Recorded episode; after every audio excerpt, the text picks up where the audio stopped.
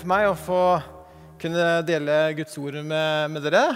Og kjempefint at, eh, at, dere er med på gudstjeneste her fra, fra Jesus Church. Som Kåre sa, så heter jeg Lars Tore Jørgensen og er gift med, med Miriam. Har tre barn, bor i Kolbotn og driver kirke i, i Kolbotn også, i Jesus Church der. Så, men nå er vi glad for å kunne ha eh, gudstjeneste også felles her. da. Og men fantastisk å få, få se denne her filmsutten i, i, forhold til eh, denne scenen da fra, fra, Palmesøndag.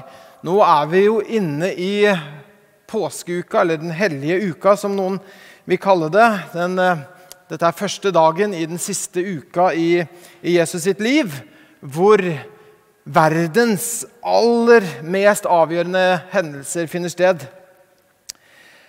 Så det er, eh, det er heftig.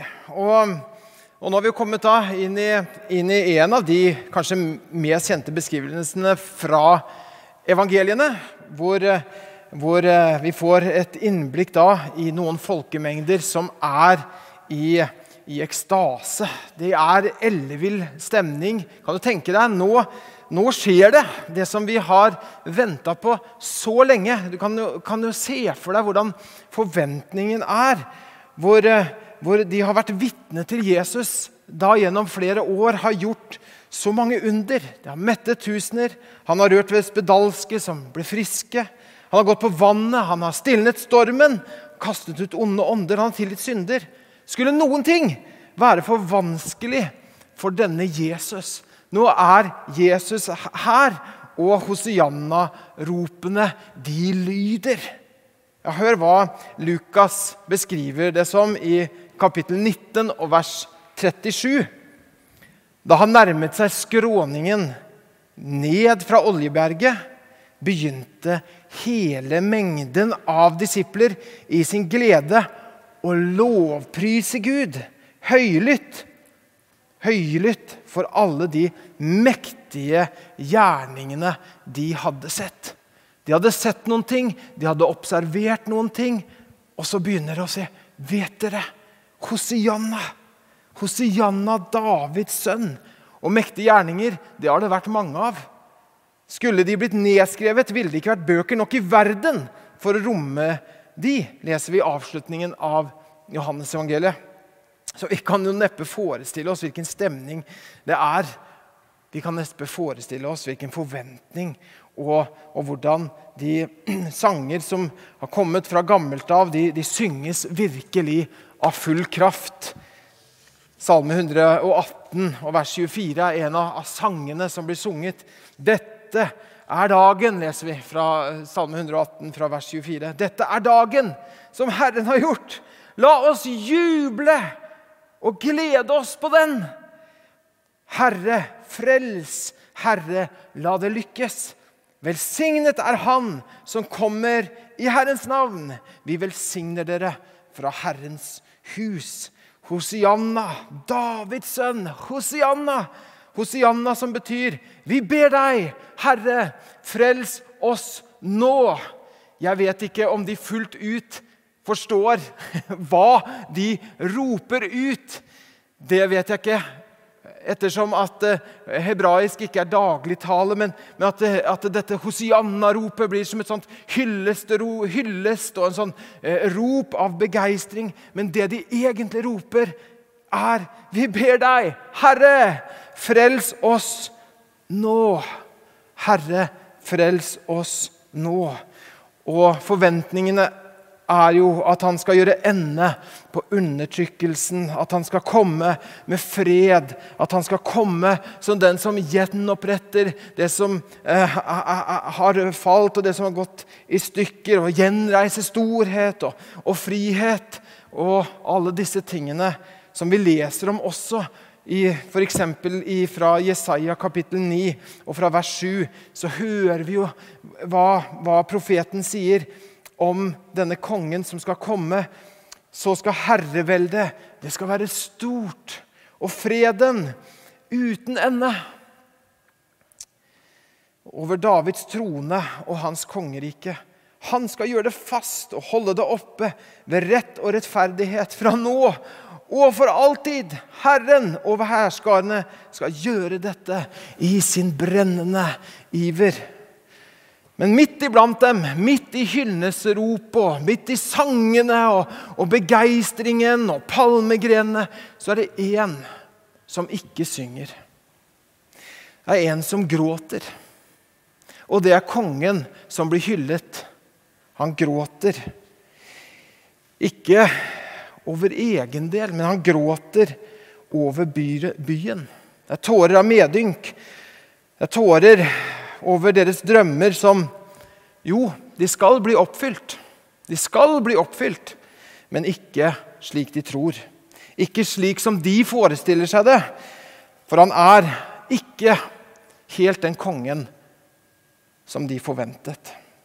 Han gjør noe veldig annerledes. Mens andre herskere gjør sitt inntog i, i, i flotte vogner som er pyntet opp, som blir trukket av staselige, sterke hester for å vise på en måte makt og for å demonstrere eh, vinnervilje og krigerkraft, så kommer han ydmyk, fattig, på et esel og på, på eselfolen.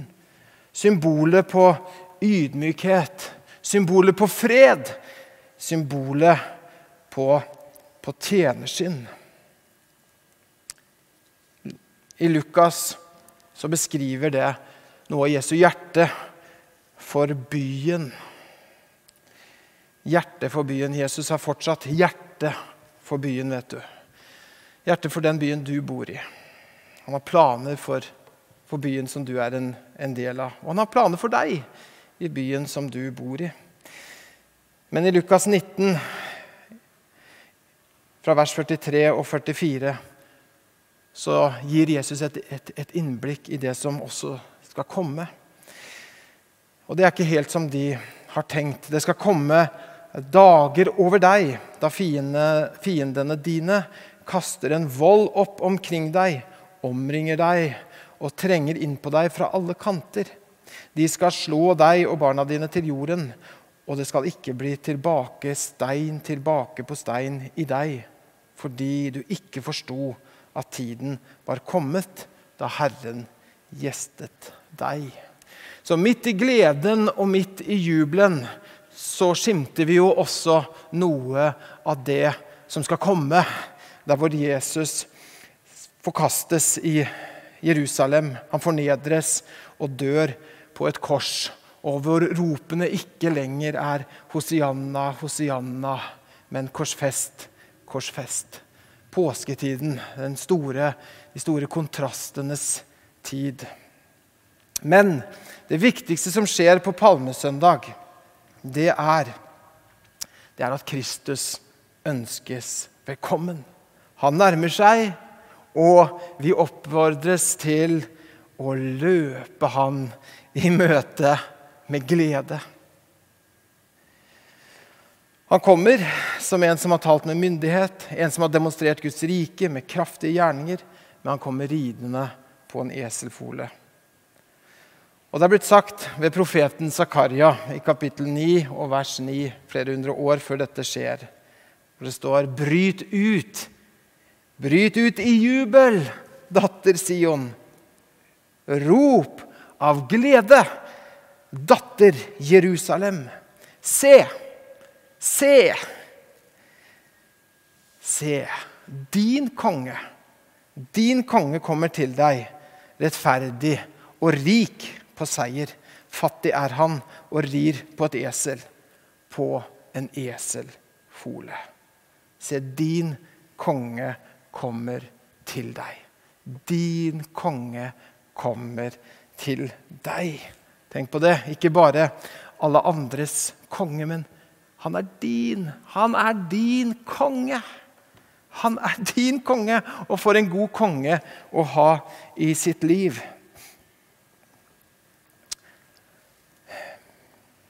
Fariseerne vil ikke at folkemengden skal rope og, og hoie så mye, og ber om at de skal tie stille. Naturligvis. De, forstår at disse sangene er forbeholdt Israels frelser, og tenker vel at Jesus ikke fyller den, den rollen.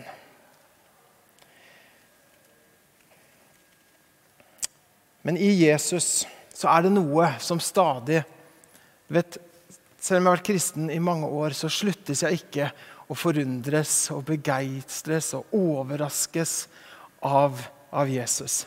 Han er, han er lik ingen andre. Jesus vet du, du kan lese Guds ord, og du kan, det, det, det, det, er akkurat som at, det er akkurat som at du får Du kan aldri få på en måte nok av Jesus. Jo mer du får oppleve av Jesus, så, så blir det mer sånn Å, mer av deg, Jesus, må du vokse i mitt liv, og og så, må, jeg, og så må jeg avta. Ikke sant? Men det som er så forunderlig med, med, Jesus, det er mange ting. Men det er som i Jesus så, så er det som og, og, vi, og, vi, og, vi, ser noe av dette her ved dette inntoget i Jerusalem. Dette her at det, det som ikke ser ut til å la seg forenes, det, det, blir forent i Jesus. Han som på den ene siden er majestet. Han er herre over hærskarene. Han er en evig konge. Samtidig som han er ydmyk og saktmodig. Hmm. Og når, og når Johannes på Patmos skriver og for en, for, skriver Johannes' eh, åpenbaring, så ser vi noe av dette. Disse, denne tosidigheten hos, hos, Jesus. Han som er fullkommen og majestet og mektig. Men så er han like fullt Herrens ydmyke tjener. Han som er totalt rettferdig. Men like fullt så er han fylt av nåde. Han er ikke avhengig av noen eller noe, men, men likevel så gjør han bare det Faderen viser ham. Denne tosidigheten hos Jesus. Og når, når, når Johannes får dette eh, blikket av Jesus, så, så leser vi Johannes' åpenbaring i kapittel 5 og vers 5-6, hvor nettopp denne tosidigheten kommer fram. Hvor to ting som ser uforenlige ut, forenes i Kristus. Men en av de eldste sa til meg, gråt ikke. Gråt ikke, for løven av Judas stamme, Davids rotskudd, har seiret. Og han kan åpne boken og de sju seilene. Ok, løven av Judas stamme, Davids rotskudd, har seiret. Og Da forventer vel Johannes å se en løve, da. Men hva er det han ser? Å se. Jeg så et lam som sto midt på tronen, mellom de fire skapningene og i kretsen av de eldste, og det så ut som lammet var slaktet. Jesus, han som er løven av Judas' stamme. Løven sterk og mektig. Men som også er lammet som er blitt slaktet. Jesus som ene og alene er mektig, uforgjengelig, evig, men samtidig er helt fullt ut ydmyk, saktmodig, og som kommer ridende på en eselfole. Og at disse da, i Kristus, som ser på en måte motstredende ut, hos han så er det i full harmoni. Og på det måten så redefinerer han hva han, hva konge er gjennom sitt liv og sitt tjeneste. Han som er kongenes konge og, og herrenes herre. Se, din konge kommer. Se, din konge kommer. Hva vil du gjøre med det? Han er din konge, og han ønsker å få stige opp og få ta tronen i vårt hjerte. Til hver og en av oss. Han kommer ikke som en religiøs lærer eller som et forbilde, men han kommer som konge. Han kom til sine egne, og hans egne tok ikke imot ham. Vi kan jo også utfordres litt også, men hvordan hadde det vært hvis det var i dag han hadde kommet? Er det sånn at vi fortsatt eh, At vi ville at, At vi ville la han få være den kongen han er i våre liv? Eller er vi fornøyd med en religiøs leder som tilgir oss syndene og gir oss evig liv? Ikke som en konge som kommer med en slags symbolmakt, bare, men som, som på en måte skulle komme som, som, noen konger gjør, som, som, har mer symbolmakt enn reell makt, men, men kommer til de store anledningene i, i livet. Og, og, Det er fint med en konge som gjør det. Jeg er veldig takknemlig for uh, at vi har kong Harald. Syns han gjør en, en fin, fin, innsats som konge. Så jeg er takknemlig for det. Men dette er en annen type konge, en som vi legger ned våre liv for en som regjerer, en som styrer, en som er den øverste dommeren, en som har stor makt, en som hvis ord er avgjørende for våre liv. Og vi også kan gjøre, hvis det er sånn at disse kappene som blir kastet ned for Jesus, hvis disse kappene kan representere våre liv, kappene som bres ut på, på veien foran Jesus, som danner et slags, nesten som en løper eller sånn, for Jesus, så disse kappene kan også representere ditt og mitt liv. At vi kaster hele vårt liv ned for Han. Symbolet på alt vi er og har. Våre ideer, våre drømmer, våre planer, ideer, forventninger. Vår trygghet og alt det som vi er glad i. Våre ambisjoner og også skuffelser. At vi legger det ned for Jesus, slik at han, at han og han alene kan få være konge. Og tro på evangeliet det er å tro at han er vår konge. Disiplene de forlater fiskebedriften som de har hatt i generasjoner, for å følge han. Følg meg, sier Jesus. Han er din konge, og det er gode nyheter. Det frir oss fra selvrettferdighetstyranniet. At vi får lov til å ha Jesus som konge i vårt liv. En konge i vårt liv.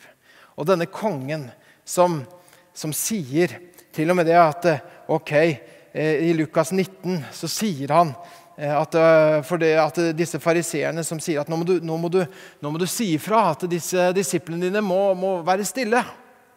Men så sier han, vet du, om de tider, om så skulle være, så er jeg fortsatt konge. Så vi fortsatt ta imot tilbedelse. Dersom de tider, så skal steinene rope. For han er, er kongen. Men så sier han samtidig til Tenk på det. Han sier samtidig til, til disiplene sine sier han, du, dere, kan dere gå og så hente eselet og, og eselfolen der? For, her, for, jeg har bruk for dem.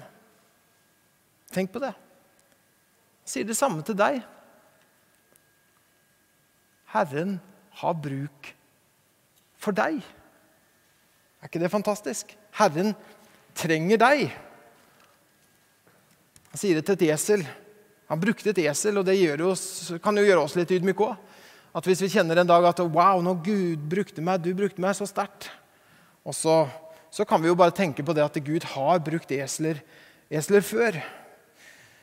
Men Herren, Herren trenger deg. Han som, er, han som er kongenes konge. Og så sier han samtidig, vet du, jeg, jeg vil ha deg med. Jeg vil ha deg med. Nå vet jo du og, og jeg at han, at han trenger ikke oss på samme måte som vi trenger han.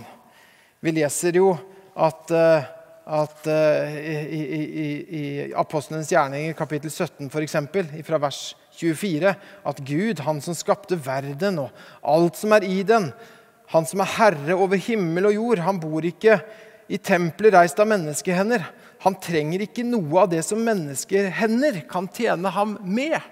Så det er ikke sånn at Gud skulle trenge oss, at han, at han skulle liksom trenge oss på den måten at han er avhengig av oss for sin eksistens. Nei, han er fra evighet av og trenger ikke oss for sin eksistens.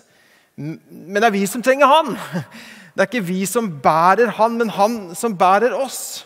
Samtidig så sier han at Vet du, jeg trenger deg på den måten at jeg vil gjerne ha deg med. Jeg vil gjerne ha deg som partner, jeg vil gjerne ha deg som en medskaper, som en medarbeider. Vil du la meg få være konge i livet ditt på den måten? Han vil invitere oss til sin misjon i verden. Han som vil at alle skal høre og komme til tro og bli frelst. Hvor vakre de er, der de løper over fjellene, føttene til den som bringer bud og forkynner fred, bringer godt budskap, forkynner frelse og sier til Sion, din Gud er konge. Jesus, han som er universets virkelige konge, han som, han som eh, lar alle som ber om det, kan få, få syndene sine tilgitt og bli en del av hans rike. Vi som får være en del av hans rike, alle som ønsker det, kan få lov til også få lov til å leve etter en annen standard, leve etter det som er i hans eget rike. Og så inviterer han oss til å, til å være med denne kongen. Det er fantastisk. Han sier til 'hent eselet', for jeg trenger det. Og så kan han utfordre deg og meg også. Vet du, jeg trenger deg. Jeg trenger deg til å være med på min misjon i verden. Å være med og skape noe vakkert i denne herre ville, vakre verden som Gud har skapt. Så vi får være med selvfølgelig, og være med å forkynne evangeliet. Vi får være med og tilbe Han og, og ære Han. Men så får vi lov til å være med Han som får være konge i hele vårt liv. Til å skape sammen med Gud i arbeidet ditt, i din fritid. Ja, med alt det du er. Så alt det som vi er og har, får vi legge ned for hans føtter. Fordi alt dette betyr noe for Gud. Du og jeg kan utfordres i dag til å se på hvilket område av innflytelse har jeg fått i mitt liv. Og hva kan jeg skape ut av det? Gud inviterer deg og meg til å være en som skaper med Han. Du vet, Mye av det som Gud har gitt, er er eh, ikke helt ferdig. Det vil si at det, det fins et potensial i det til å videreutvikles, til å bli noe. Og Der inviteres vi på samme måte som, som Adam fikk være med. ikke sant? Og det får oppdrag ikke sant? til å være med og, og gi navn til, til, dyrene. Og Så ser han løven og sier du må være løve, du er tiger, du er hest og du er ku. Og så tenker jeg at nå er jobben gjort. Men nei da. Du, Adam, hva med, hva med, livet under havet? Hva, hva, med livet i havet? Du har ikke sett. Og han begynner kanskje å bli trøtt. Så kanskje at det, det begynner, Jeg vet ikke. Men så tenker han ok, det var løve her, og det var, det var, hest og det var ku. Ja, da blir det vel sjø... Jeg, jeg kommer ikke på men sjøløve, da. Sjøløve. Eh, tiger. Hai. Eh, sjø. Hest. Sjø. Ku. Sannsynligvis er disse her på slutten fordi at, eh, at, kreativiteten Jeg vet ikke. Men i alle fall Vi får være, vi får være medarbeidere og, og, få gjøre noe med det. Han trenger deg og, og, meg. Han har bestemt det sånn at han vil trenge deg og meg. Han vil at du skal være med. I Esekiel 22, 30 leser vi Jeg har lett blant dem etter én mann. Sånn som ofte Gud gjør når, når situasjoner tilpisser seg eller blir vanskelig, hvor, hvor Gud så, så, reiser han opp ikke nødvendigvis et folk med en gang, men reiser opp en, en jente i en klasse, reiser opp en på arbeidsplassen, reiser opp en i en by, reiser opp noen i et hjem for at Guds planer skal bli virkeliggjort. Og Gud ser etter en mann som kan bygge opp igjen muren og stille seg i murevnene for landet, så det ikke blir ødelagt. Og så er det et av de triste, på en måte et trist vers her, som slutter med at 'men jeg har ikke funnet noen'. Gud ser etter noen fortsatt og sier, 'Vil du være med? Jeg trenger deg'. Så tenker du kanskje, men hva hvis jeg ikke vet? Ja, men hva? Det er derfor kanskje noen av dype, dype prekener sånn, kan være litt sånn populært. fordi man vet ikke helt hva man skal gjøre med det. Men det er jo mange ting som du vet.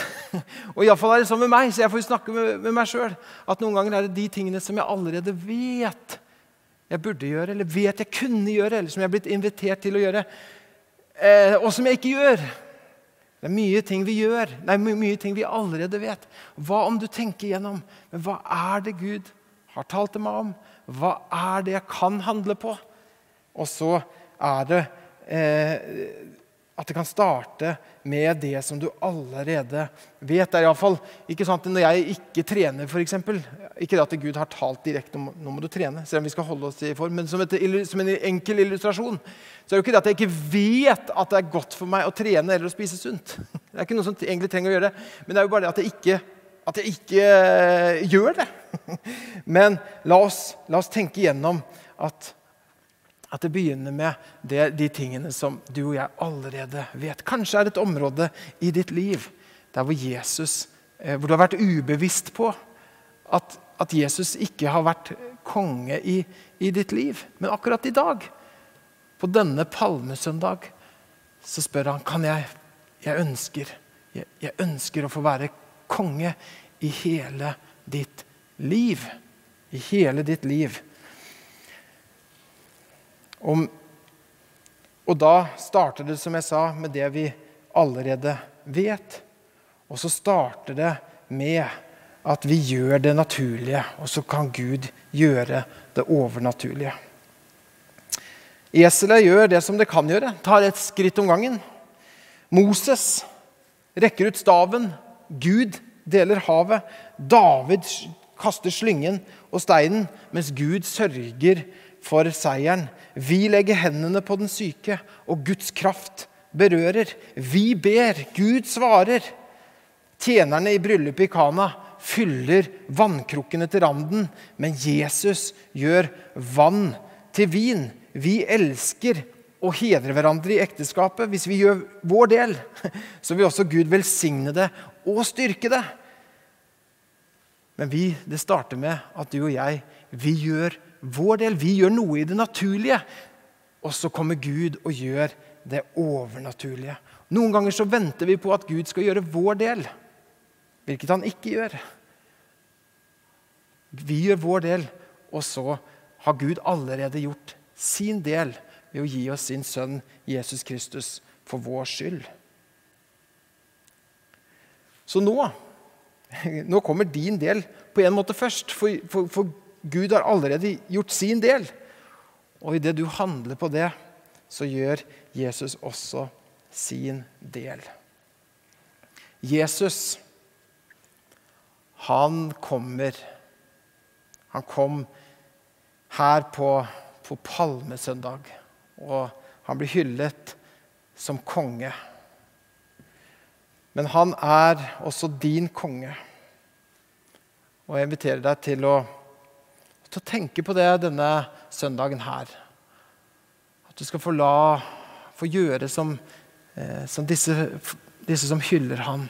De kaster sine kapper ned for ham, kaster ned sitt liv for, for Jesus. Og det skal vi også kunne få, få gjøre. Kaste ned alt som er i vårt liv. For han er konge, og det tilhører ham alt sammen. Og selv om ikke Gud trenger oss på den måten som som Gud trenger oss. Selvfølgelig er det ikke sånn, men likevel så inviterer han deg og meg til å, til å være med.